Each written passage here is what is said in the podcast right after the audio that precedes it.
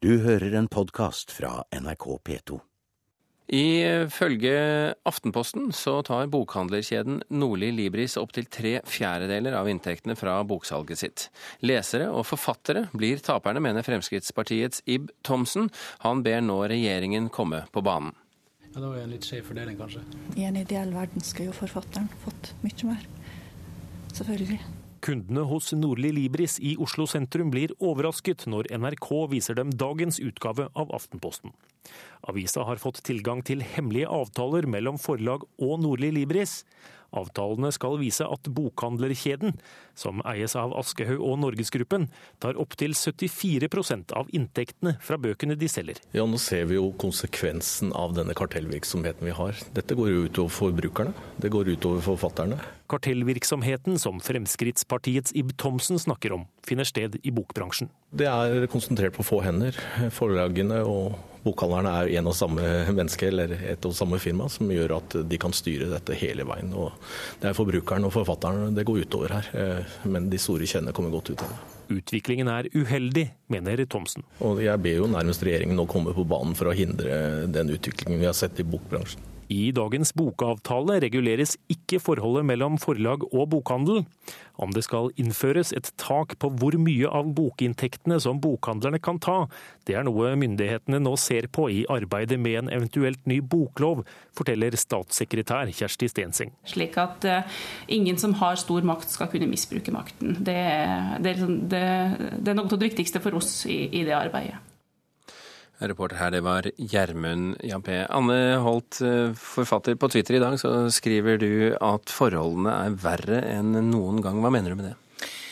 Uh, av hver bokkrone så går stadig mer penger til bokhandlerne.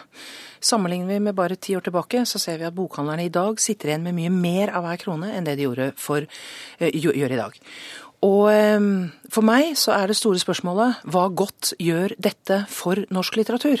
Fordi at så lenge vi har en ordning som i og for seg har vært diskutabel, og som jeg har hatt litt varierende syn på, vi har en ordning med store statlige overføringer til eh, litteraturlivet, både gjennom momsfritak som er milliardbeløp, og gjennom innkjøpsordning og fritak fra en rekke lover og forordninger som vi har fått nettopp fordi at det er en særlig oppgave å ta vare på litteraturen, så ser ikke jeg at vi tar vare på litteraturen. tar vare på forfatterne, ta vare på det viktigste med bøkene, nemlig innholdet, ved at bokhandlerne sitter igjen med stadig mer av kaka.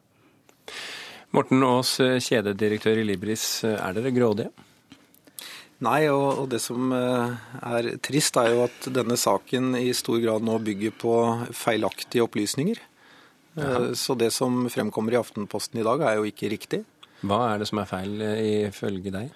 Nei, Ifølge meg og ifølge det vi har ansvar for, nemlig å forhandle avtaler med våre leverandører, som jeg i og for seg er overrasket over at går til media med, med innholdet i de avtalene vi er midt oppe i forhandlinger rundt, eh, er jo å trygge betingelsene våre. Og, og når da media eh, enten har de latt seg informere feil eller mistolket det som, som ligger i dette, så, så, ser vi altså at her fremkommer det helt gale regnestykker.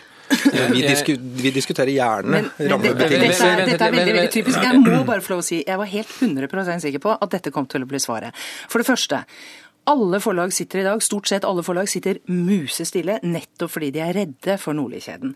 Aftenposten sitter på, etter det jeg har fått opplyst, et, eh, et, et forslag fra Nordli Libris til en avtale om spredning av ti bøker, altså innkjøp av ti bøker på en nettbokhandel. Om, Jeg er også helt enig i at det er, få, det er noen små regnefeil i dette. og Dessuten så er jo dette gjenstand for forhandlinger. Men om rabattene til bokhandlerkjedene er på 80, 75 eller 68% spiller jo fint liten rolle i denne sammenhengen.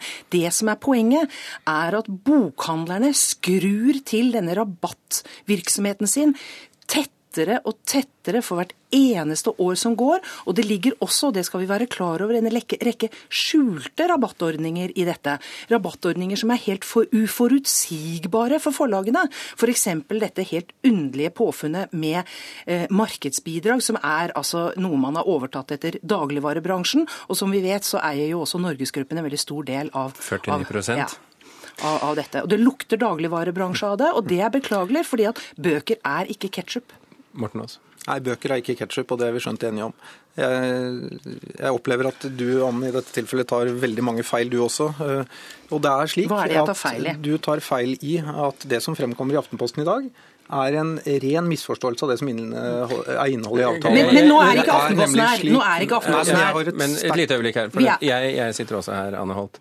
Eh, jeg har fått tilgang på teksten i denne kontrakten. Og her eh, står det, eh, og jeg siterer, butikker som tegner abonnement på første eksemplar i henhold til bokavtalen får 70 til 74% rabatt.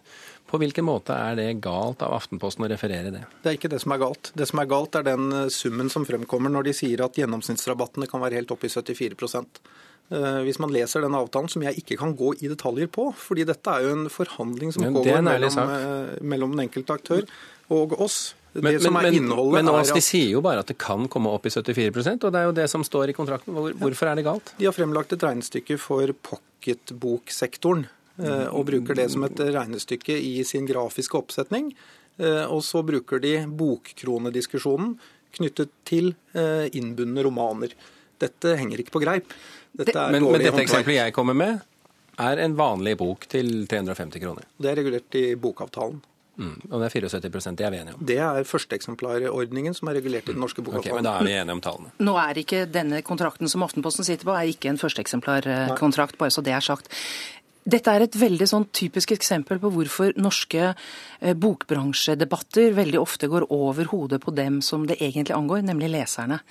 Eh, og til dels også forfatterne. Og det er at med en gang noen på en måte prøver å rette søkelyset mot en svært uheldig utvikling, nemlig at bokhandlerne sitter igjen med stadig mer av de verdiene som kreeres i litteraturbransjen, så møtes man med at disse tallene er ikke riktige, men de riktige tallene kan vi ikke komme med, for de er i vår konkurransesituasjon.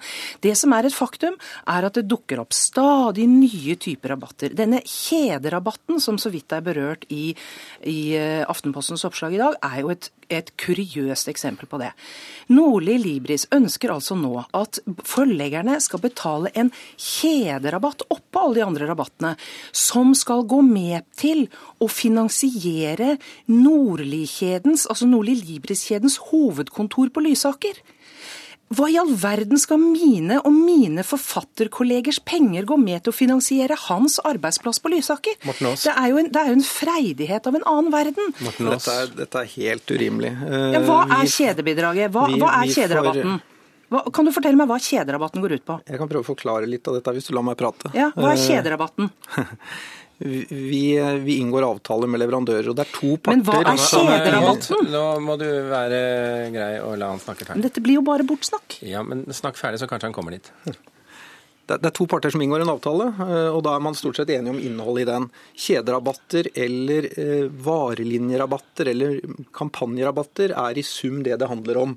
Eh, og ettersom vi eier en stor andel av våre butikker, så går alle rabattene til å drive vår virksomhet i sum. Det være seg de 76 egeneide butikkene eller andelen av kjedekontoret. Så, så, dette er bare en total uh, pakke som vi må bli enige med våre leverandører om. Det, dette, er jo, dette, er jo, med respekt å melde tøv. Kjederabatten er blitt fremstilt fra Nordli-kjeden, Nordli Libris-kjeden, unnskyld, som en tilleggsrabatt for å finansiere hovedkontoret, fordi at bokhandlerne ikke klarer det. Og en ting til. Nei, å si at forhandlingene, å si at forhandlingene er frie, er jo feil. Så lenge hele problemet her er at du har en stor, mektig aktør på den ene siden, og så har du små og mellomstore forlag på den andre siden, som en ikke kan eller tør gjøre noe. En av de små og mellomstore forlagene har vi nemlig på telefon her her, Finn Jørgen eh, Solberg. Eh, føler du deg eh, riktig beskrevet i Anne Holts beskrivelse her? Ja, vi deler jo, deler jo mange av Annes oppfatninger. Men jeg må jo også si at jeg, jeg ikke helt kjenner meg igjen i det grelle regneeksempelet som, som, som, Aftenposten bringer i dag. Det som er Utfordringen til Vega-forlag, som jeg representerer eh, her, er jo at vi har på de ti årene vi har holdt på, så har vi sett en glidning av eh, på ca. 8% og Det har gått jevnt og trutt eh, fra, fra min, min, del av bokrona over til detaljist. Og, Nå sikter jeg ikke på, på, på Nordli Libris spesielt. Det er en generell tendens. Og det er problematisk, for vi, vi mener at, at smertegrensen er nådd. Og skal du over eh, 50% så må det iallfall være veldig store volumer eh, det er snakk om. Men opplever du, eh, og da snakker jeg ikke bare om Nordli Libris eh, som sådan, men hele bokhandlerbransjen som grådige? Nei, det gjør jeg ikke. Eh, Regnskapstallene til eh, bokhandlerbransjen eh, viser vel at de er i en stor strukturforandring. Og det er jo når, når klubben er tom, så bites hestene. Det vi ser er at de har store utfordringer og de har store endringer. Men at de vel prøver å få oss til å plukke opp regninga. Og det er jo problematisk. Eh, Hva må gjøres, eh, syns du? Nei, hva som må gjøres eh, strukturelt er jo vanskelig å si. Men vi har jo en del tiltak i dag som vi vet fungerer positivt. Altså fa- fastpris og, og momsfritak eh, som de vel eh, viktigste. Men, men, men det er iallfall ingen løsning å, å, å skyve større og større del over på oss forleggere. Og det er heller ingen løsning, det tror jeg alle er enige om, og at bøker blir eh, dyrere, og at, at utvalget i bokhandelen blir smalere. Du må være kort nå, Anne Holt. Ja, jeg vil ikke kalle dette grådig, eh, for det er jo helt fullt tillatt å tjene penger. Jeg vil kalle det veldig uklokt. Fordi vi har, fått, vi har en samfunnskontrakt i og med alle de fordelene vi har. Og når vi har den samfunnskontrakten, så er vi nødt til å oppføre oss på en skikkelig og ordentlig måte i forhold til alle parter, hvor hovedhensynet er å ta vare på norsk litteratur. Norsk litteratur blir per i dag ikke sterkere av at bokhandlerne får stadig mer del av kaka. Siste ord til Morten Aas i dag. Det som er viktig å huske er at Vi har felles interesser i å selge mange bøker. I fjor solgte vi 83 000 forskjellige typer titler i våre butikker. Vi tar vårt samfunnsansvar. Vi har flest av abonnementsordningene knyttet til våre butikker, og ønsker bredde hos oss. Anne Holt, Morten Aas og Finn Jørgen Solberg, takk for at dere kom til Kulturnytt. Du har hørt en podkast fra NRK P2.